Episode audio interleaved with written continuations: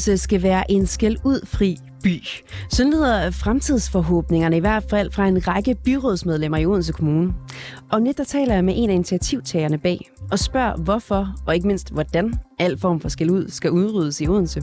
Det er rapporterne i dag. Jeg hedder Ida Gavnø.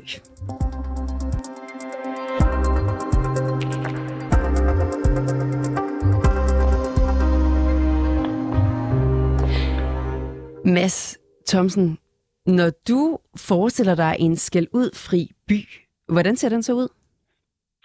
Øh, jeg har et af det. Jamen, øh, den ser vældig idyllisk ud. Øh, man kan, apropos det, vi lige har hørt om, øh, sidde trygt i S-toget, øh, og hvis der er optrækt øh, konflikt, så foregår den øh, savligt og stille og roligt, så det ikke bliver til en konflikt.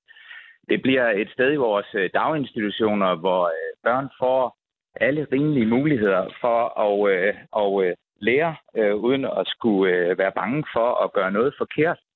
Øh, det bliver et sted, hvor man i skolen øh, kan være trygt, uden at skulle øh, blive konfronteret med overfusende øh, både andre elever, men også voksne. Øh, så det er altså, øh, for lige at slutte af med, med, med billedsproget her, øh, en rigtig dejlig by, hvor man også øh, kan opleve at gå i netto og ikke opleve nogen, der, der skiller øh, kasseassistenten ud for et tilbud, som ikke længere eksisterer. Så det var den korte version. Mads Samsen, du er lektor i pædagogisk øh, psykologi og medlem af byrådet for Socialdemokratiet i Odense Kommune. Og så er du altså en af byrådsmedlemmerne bag det her nye projekt, der vil gøre Odense til en skældudfri by. Og det lyder jo altså som et ambitiøst projekt. Hvis vi nu skal være helt konkrete, hvordan bliver Odense så en skældudfri by? Altså hvad er de helt konkrete tiltag, jeg tænker, der skal sættes i gang? Øh, ja, altså øh, sådan som, som vi har snakket om det, så øh, er det sådan, at øh, hvis man skal lave en kulturændring, så må man øh, starte med det, øh, inden man sådan kan være meget praktisk orienteret. Så den første fase, om man vil, det er at, at oplyse, øh, fordi noget, øh, øh jeg i hvert fald har opdaget, når man snakker om det her, det er, at øh, for nogen, der kan det godt blive sådan, at det kan opleves sådan lidt misforstået som en, en, en indgriben eller krænkelse af den personlige frihed og ret til opdragelse. Øh, andre kan også øh, have en holdning om, at øh, man kan øh, ikke nogensinde ændre sig, øh, når man gør noget forkert, hvis man ikke får en eller anden form for straffende konsekvens. Øh, så, så det første, vi vil gøre, det er en proces, hvor vi ligesom øh, på en ikke-moraliserende måde vil oplyse om øh, de fuldstændig uomtvistelige øh, fakta, der er ved øh, brug af, af meget skæld ud. Øh, hvordan, og de, øh, hvordan vil I gøre det på en ikke-moraliserende måde? Jamen det er jo noget med, at øh, hvis vi skulle forestille os en, en øh, overskuelig lille kampagne, at man så øh, ikke siger, at øh, du er, altså siger mellem linjerne, at du er en dårlig forælder, hvis du kommer til at skælde dit barn ud. Øh, det tror jeg ikke vil øh, virke så godt. Øh, så, så det er noget med at sige, øh, det er i orden og forståeligt, at man kan være presset og komme til at skælde ud øh, når man skal bede sit barn om for tusinde gange om morgenen og tage sine sko på og alligevel ikke gøre det. Øh, og man skal måske på arbejde, og, og det, er, det er lige lidt stressende det hele. Øh, men, øh, men så handler det om, at man, man ligesom oplyser om, at øh, det er helt normalt at komme til at skælde ud. Øh, vi skal bare forsøge at øve os på ikke at gøre det alt for meget, øh, fordi vi ved, hvordan vi kan undgå det. Øh, og øh, det vil vi gerne hjælpe med at facilitere oplysning om. Hvordan kan vi undgå det? Jamen altså, øh, nu underviser jeg jo på pædagoguddannelsen til daglig, så jeg kunne godt begynde på sådan nørde helt ind i Jamen, jeg tænker bare, når man står der og er vred, altså, og, og, og, og man er stresset, og man er vred, og, og folk gør ikke, som man gerne vil have, og så er det der, hvor man måske ikke lige tænker sig om, og for eksempel kunne finde på at, at rettesætte sit barn, eller jeg ja. ved ikke, der er det vel svært lige at styre sig. Jamen, det, det er det. Øh, og jeg tror også, det er vigtigt, at vi, øh, vi lige får på plads, at når, når man siger, man ikke må, altså det er ikke så godt at skille ud, så er der nogen, der får et billede af, altså, billede af at så skal man bedrive hippie-pædagogik, hvor man skal sidde i rundkreds med sit barn og snakke om, hvorvidt det er godt at løbe ud foran en bil eller ej. Altså man kan sagtens være en tydelig og bestemt øh, assertiv øh, voksne, øh, uden det betyder, at øh, man skal skabe en meget ubehagelig situation for sit barn. Men jeg kan godt give dig et eksempel på, hvordan, sådan en helt banal hverdagseksempel på, hvad, hvad man kunne gøre i stedet for at skille ud. Mm. Øh, og det, det kunne eksempelvis, nu er jeg jo for eksempel ude at besøge en, en venlig øh, mor, der er en mor, om, om et lille projekt, vi skal lave. Det var jeg sidste uge. Og øh, så giver hun, for at underholde sit barn, mens jeg er der, øh, og aflede det lidt måske, så har hun købt noget nyt modellervoks til barnet. Øh, og det giver hun så barnet. Og øh, så ser hun, øh, mens et kvarter ind i vores samtale, at klokken er 6, og, øh, og nu skal barnet spise. Og øh, så, så siger hun flere gange, at øh, nu skal han komme over og spise. Og øh, det gør han ikke, for han er jo dybt optaget af det her modellervoks. Øhm, og øh, når hun så bedte ham om det to gange, jamen, så tredje gang, så siger hun øh, højt til mig, og det har jeg også fået tilladelse til at bruge, det her lille eksempel, så siger hun, der kan du selv se, øh, han hører ikke efter. Han er, han er også noget trods alderen. Og det er så hendes oplevelse af det. Nu har hun sagt det tre gange, og han reagerer ikke. Øh, hvor man kunne sige, i mit perspektiv, så har hun stillet ham i en lidt urimelig situation. Fordi hun har givet ham noget mega spændende, og han er kun lige kommet i gang med at lege med det, og så siger hun, afbryd det. Og man skal han ikke også lære at behovsudsætte en lille smule? Jo, det skal han, men det skal stilaseres. Altså selv også voksne mennesker hader at blive afbrudt. Så forestil dig, hvordan en, en treårig øh, har det med at blive afbrudt. Øh, så, så selvom han skal lære at, blive, at, at, at kunne tåle afbrydelse, så, så, så er det lidt urimeligt at, at kræve, at han lige skal kunne afbryde der. Og så ikke nok med, at han skal afbryde, så skal han også skæld, altså, i rette sættes hårdt og skældes ud for ikke at, at kunne stoppe. Øhm, så, så det er jo sådan et lille eksempel på, hvordan man, man kan prøve at tænke sådan en situation mm. anderledes. Et er, er borgerne, som I give nogle venlige formaninger, og også ligesom give, give noget uddannelse eller noget, øhm, I kan oplyse om, hvordan man skal, man skal opdrage osv. Men, men noget andet er jo så også de ansatte, i, i, øh, som, som er en del af kommunen, eller hvad skal man sige. Jeg tænker bare, hvis vi nu tog et eksempel, et lille scenarie, vi kigger på en folkeskolelærer, som står over for en larmende folkeskoleklasse. Der er fuldstændig kaos i lokalet, og børn har op til flere gange nægtet at gøre, hvad der bliver sagt, og de bliver ved med at råbe og løbe rundt i klasselokalet. Hvad skal en lærer i en skældudfri by gøre i sådan en situation her? Han kan starte med at ringe til mig. Men øh, ej. Det kan lærerne øh, ikke gøre hver gang, må man sige. Men øh, nej, altså... Øh, Jamen altså, vi har et mantra øh, inden for, for sådan noget her, der hedder øh, urimelig adfærd. Det er rimelige konsekvenser af urimelige omgivelser. Så det vil sige, øh, hvis der er en lærer, der står med rigtig, rigtig meget øh, larm, og der er kaos, øh, så, øh, så skal man selvfølgelig øh, have oplysning om, øh, hvad der skal til for, at man ikke kan lave larm og lave larm og kaos. Og det kan jo godt pege på, at de her elever, de er måske sat i et lille bitte klassemiljø med altså, indenlukket. Ja, hvis nu man tager et helt konkret eksempel, hvad, hvad skal læreren så gøre lige her?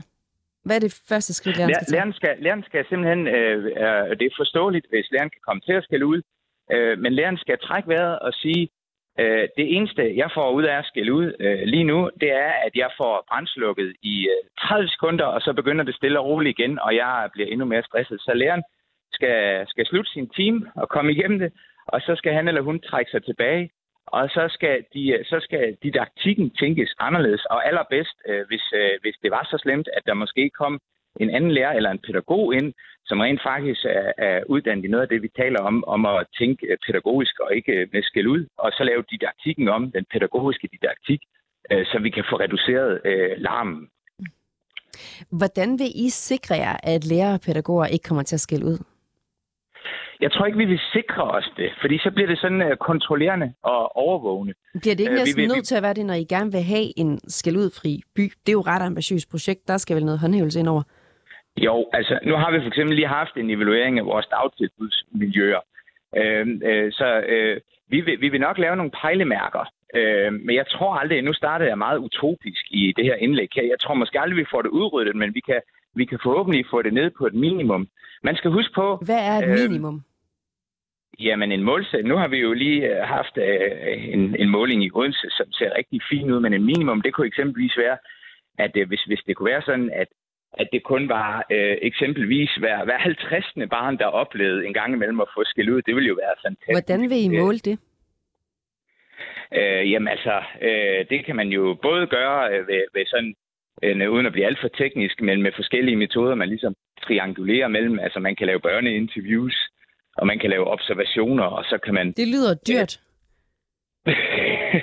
Jamen, det er det sikkert også, men øh, vi er da lykkes med at lave sådan nogle øh, evalueringer indtil videre. Hvor så det, mange det, penge har I afsat til det her projekt? Vi har endnu ikke øh, afsat øh, nogle penge. Vi er i gang med at udarbejde forskellige øh, modeller, fordi som, som sagt, så lige nu, der er vi i den øh, værdipolitiske fase øh, og oplysende fase. Og, øh, og, og så er vi i gang med at udtænke, hvordan vi ligesom kan øh, lave genvej til finansiering og finansiering og lave tiltag, der måske ikke koster så meget. Så, så der bliver tænkt lige bredt øh, klar til næste fase, der hedder implementering i praksis. Hvis vi lige hopper tilbage til øh, skoleværelset eksemplet her. Øhm, hvordan kommer I så til at håndhæve det? Altså kommer I til at skulle indføre advarsler for dem, for de lærere, som ikke overholder det her? Altså, der kan jeg sige helt klart nej. Øh, fordi så gør vi jo lige præcis det, vi vil undgå. Altså hele formålet, nu hørte jeg jo jeres indlæg før, hele formålet med det her, det er jo et langsigtet perspektiv om, at det faktisk er dannende for mennesker at lære, at når jeg har noget, jeg vil have igennem, øh, så hjælper det ikke, øh, hvis man skal tænke demokrati, mm. så hjælper det ikke bare at være den, der råber højst, der får ret. Øh, så derfor så, øh, så er det noget, vi tænker, at det her det er nærmest et, et livsperspektiv. Men du, øh, siger jo, men du siger jo, at I for eksempel kunne finde på at interviewe børn. Det kunne være en måde at finde ud af, om der bliver skældt ud eller ej. Hvad hvis nu de her børn fortæller, at de bliver skældt ud ofte af lærerne? Jamen, øh, altså, vi går selvfølgelig i dialog med vores pædagoger og lærere, og vi vil jo også spørge lærerne selv og pædagogerne selv, hvor, hvor ofte oplever du, at du bliver nødsaget til at skælde ud. Øh, og det vil jo være, altså... Det er jo Men er der ikke også lige... noget, noget godt i det med at skælde ud? Altså jeg vil bare sige personligt, da jeg gik i skole, så de, de lærte, vi havde mest respekt for, var dem, der kunne hæve stemmen og sætte os på plads. Dem holdt vi også meget af, for den sags skyld. Jeg er sikker på, at du vil holde endnu mere af dem, hvis de ikke skældte derude. Det er ikke sikker på, øhm... dem havde vi også. De lærere, som ikke skældte ud, og som var, var søde og ordentlige, men simpelthen ikke kunne holde styr på os til gengæld. Jamen altså, øh, altså, jeg må jo bare henvise til, øh, altså vi kunne sagtens lave sådan en mavefornemmelsesdebat, øh, dig og mig, men øh, altså, man fandt ud af, at jorden den ikke var rund på et tidspunkt, øh, og det, det vækkede meget modstand. Øh, og den ikke var firkantet på et tidspunkt, og den var rund, og det, det var der meget modstand mod. Men det er jo ikke øh, sjovt for nogle børn at være, være i en klasse, hvor at der ikke altså, bliver sat nogle regler, er det det? Eller siger du, at, at forskningen viser det? Jamen, der vil jeg gerne henvise dig til det, jeg sagde lidt tidligere med, at når man siger, at øh, man ikke behøver at skille ud, så er det jo ikke et lighedstegn med, at der er øh, fuldstændig er laissez-faire pædagogik. Øh, det handler bare om, at øh, man er i stand til at kommunikere et budskab, for eksempel, eller sætte nogle rammer op, hvor barnet rent faktisk har mulighed for at lære det, man ønsker, det skal lære på en god måde. Hvis vi lige vender tilbage til det her, jeg spurgte om lige før med at håndhæve det, hvordan kommer I så til at gøre det? Hvordan kommer I til at sikre jer, at I bliver en, en skal ud fri by? Øh, det er selvfølgelig meget ambitiøst. Øhm, og, og det er meget svært for mig i sådan op, den opstartende fase at give dig en, en, en mirakelopskrift på det. Men det er jo selvfølgelig øh, noget med, når man, når, man, når man forsøger at implementere noget, så er det jo noget med at øh, følge det undervejs og evaluere og følge op og lave ændringer og tilpasninger. Så det er, sådan, det, er det mest konkrete svar, jeg lige kan give dig i der. Lige kort her til sidst. Hvornår er Odense så en skældudfri by, hvis du skal sætte et årstal på? Øh, lad os sige 2030. Mads Thomsen, lektor i pædagogisk psykologi og medlem af byrådet for Socialdemokratiet i Odense Kommune. Tak for din tid. Det var så lidt. Historien her den var tilrettelagt af Maria Asmine Dam.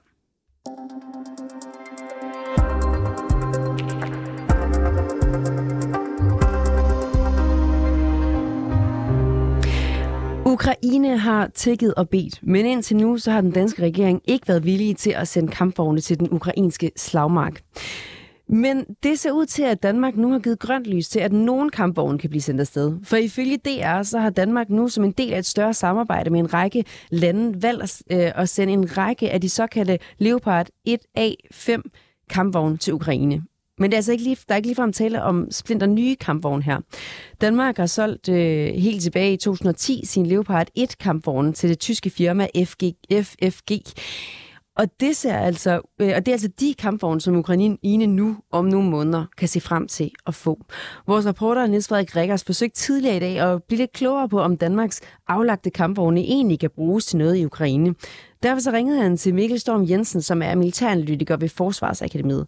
Og her spurgte han først om, hvad det er for et slags maskineri, der nu skal til Ukraine.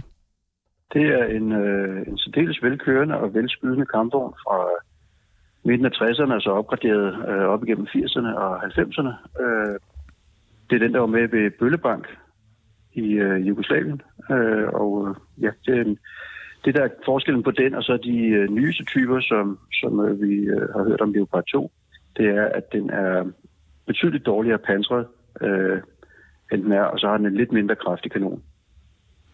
Altså betydeligt dårligere pansret, hvad betyder det? At, øh, kan, kan den tåle et skud? Mm, nej, det kan den ikke. Ikke på samme måde, som, øh, som Leopard øh, kan. Altså, den, er, den er fra en øh, generation af kampvogne, hvor alle kampvogne de skal afbalancere øh, deres mobilitet, pansring og ildkraft. Det vil sige, at man forsøger at finde en eller anden balance imellem øh, de tre elementer. Hvis man skruer op for det ene, så skruer man ned for det andet. Og der er Leopard 1'erne altså konstrueret i en tid, hvor man lagde større vægt på mobilitet og ildkraft, end man gjorde på pansring. Så det er et uh, særdeles kraftigt uh, skydejern, og den er meget, meget mobil, men uh, den er ikke uh, specielt kraftig panser. Altså, kan de stadigvæk bruges på slagmarken i Ukraine? Ja, det, det kan de godt. Man skal tænke på, at det er ikke de allernyeste kampvogne, og øh, de vil få det øh, svært, øh, hvis de kommer op imod de allernyeste øh, russiske kampvogne. Øh, ikke fordi de kan godt klare sig nogenlunde, men, men øh, de vil få det svært. Men der kører også utrolig meget øh, gammel skræmme rundt på, øh, på slagmarkerne på begge sider i, øh, i Ukraine. Og øh, i den, øh, i den sammenhæng, der er Leopard 1 et, et ret fremragende kampvogn. Den, er, øh, altså, den kører som sagt rigtig godt, den skyder rigtig godt. Der er masser af ammunition til den på lager, og, øh, og den er nem at vedligeholde. Så, øh, så den er på meget måde et, øh, et øh, glimrende supplement til øh, de andre våbensystemer. Hvordan øh, stiller den sig i forhold til øh, de russiske kampvogne, den her Leopard 1? Jamen, der stiller den sig ikke særlig godt i forhold til de øh, allernyeste russiske kampvogne. Altså, hvis den kommer op imod de allernyeste øh, kampvogne, så øh, hvis, den, hvis den skyder og, og rammer dem, øh, så kan den formentlig øh, gøre dem ukampdygtige. Øh, men, øh, men den vil ikke kunne tåle øh, selv at blive ramt øh, heller af dem. Øh, men igen, der kører virkelig, virkelig meget, øh, der ikke er det aller, allernyeste rundt på slagmarkederne i Kosovo, undskyld, i, øh, i Ukraine. Øh, og det er jo sådan set det, øh, de ældre øh, kampvognstyper, som, som øh, Leopard i sin tid udviklet til at kæmpe imod. Der har jo været en del snak om, om det her, hvorvidt Danmark skulle levere nogle kampvogne. Indtil videre har regeringen været lidt øh, fodslæbende, hvis man kan sige det på den måde. Og hidtil har vi talt om de her Leopard 2 kampvogne, og det, som har været fremme i forhold til Leopard 2-kampvogne, som jo altså ikke lige nu for øjeblikket skal sendes ned til Ukraine, jamen det har været, at de vil have været for øh, lang tid, eller man kan sige, det havde taget lang tid for dem at kunne blive brugt i Ukraine, simpelthen på grund af teknologien. Hvor lang tid vil du vurdere, at øh, det vil tage Ukraine at få sådan en Leopard 1 A5 kampvogn, og så øh, kunne bruge den på slagmarken? Jeg har ikke noget indblik i, øh, hvor lang tid det vil tage at gøre dem klar til at sende øh, til, til Ukraine. Men øh, med henblik på, øh, på uddannelse af det personel, der skal bruge dem, og, og omskoling af de mekanikere, der skal reparere dem osv., osv., så vil det være omtrent tilsvarende for, for Leopard 2. Et, et par uger, altså øh, 6-8 uger øh, for at, at lære det, og så og derefter begynder man så at blive god til det. Nu var du lidt inde på det tidligere, men hvis man nu prøver at sammenligne øh, Leopard 1 med Leopard 2 kampvogne, altså hvor, hvor øh, langt længere nede på stigen ligger de her kampvogne, som nu bliver sendt til Ukraine i forhold til øh, sammenlignet med de her Leopard 2 kampvogne, som øh, Danmark altså ikke sender ned i øjeblikket? Jamen, de er ikke lige så gode som Leopard 2, og det var også derfor, vi selv øh, afskaffede dem og skaffede Leopard 2 i stedet for, når nu skulle være meget færre. Altså, Leopard 2'eren er omkring øh, dobbelt så tung som Leopard 1'eren, øh, og det meste af den vægt, det er, det er ekstra pansring, og så er den ekstra motor, der skal til at trække det. Og så har den også en større kraftigere kanon. Men altså, igen, Leopard 1'eren er i forhold til øh, alt det andet, der kører rundt dernede, slet, slet ikke nogen dårlig kampvogn, og det er en meget præcis skydende kampvogn. Øh, man kan bare spørge øh, serberne øh, om, hvad de synes om, hvor den anden af den i, øh, i Bøllebank. Så helt kort, i øh, følge det, altså det her samarbejde, så kan der komme op mod øh, 187 Leopard 1-kampvogne fra en række europæiske lande til Ukraine nu. Kan det være en game changer? Der, det er, der er få ting, der vil være en game changer i Ukraine. Det er en game changer på den måde, at det gør, at Ukraine øh, øh, kan, kan holde ud i, i første omgang, øh, og, øh, og hvis de skal til at, at kaste russerne ud igen, jamen, så vil øh, de her leoparder øh, også øh, kunne, kunne være en, en, stor, øh, en stor hjælp. Det er en ret fremragende kampvogn, det er det. Og de vil være betydeligt bedre end øh, mange af de gamle russiske kampvogne, som ukrainerne kører rundt i lige nu. Mikkel Storm Jensen, militær analytiker ved Forsvarsakademiet. Tak fordi du havde tid til at gøre os lidt klogere. Selv tak.